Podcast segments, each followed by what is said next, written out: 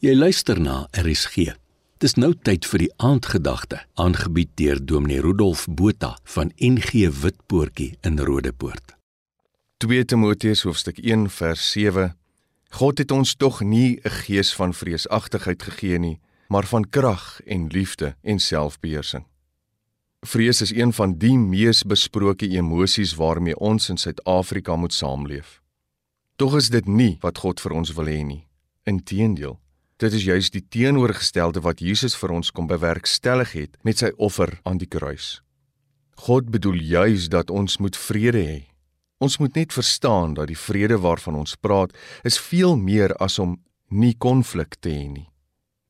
Hierdie vrede, wat die teenoorgestelde van vreesagtigheid is, word gesetel in die drie woorde aan die einde van die vers wat ons hier gelees het: krag, liefde en selfbeheersing.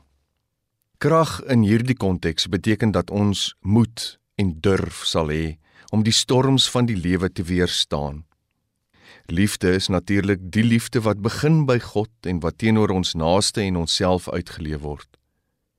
Selfbeheersing beteken om nie in 'n staat van onverskilligheid teenoor onsself, teenoor God en teenoor ander vasgevang te word nie. Hierdie 3 dinge gee aan ons die vermoë om met vrymoedigheid en selfversekerdheid die bedreigings van die wêreld af te weer. 'n Soldaat wat vreesbevange die oorlogsveld betree, is in groot gevaar en staan 'n groot kans om sy lewe te verloor. Terwyl 'n soldaat wat met selfversekerheid dieselfde oorlogsveld betree, het die vermoë om rasioneel te dink en staan 'n baie groter kans tot oorlewing. Net so ons ook. Juis dan is die logiese gevolg dat ons meer vrede sal beleef, want ons sal die kapasiteit hê om eerder te fokus op al die seënings wat God vir ons gee, eerder as om heeltyd te fokus op oorlewing. Dit is om God se vrede te beleef.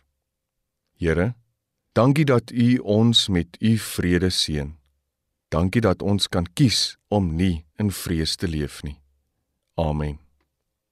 Dit was die aandgedagte, aangebied deur Dominee Rudolf Botha van NG Witpoortjie in Rodepoort.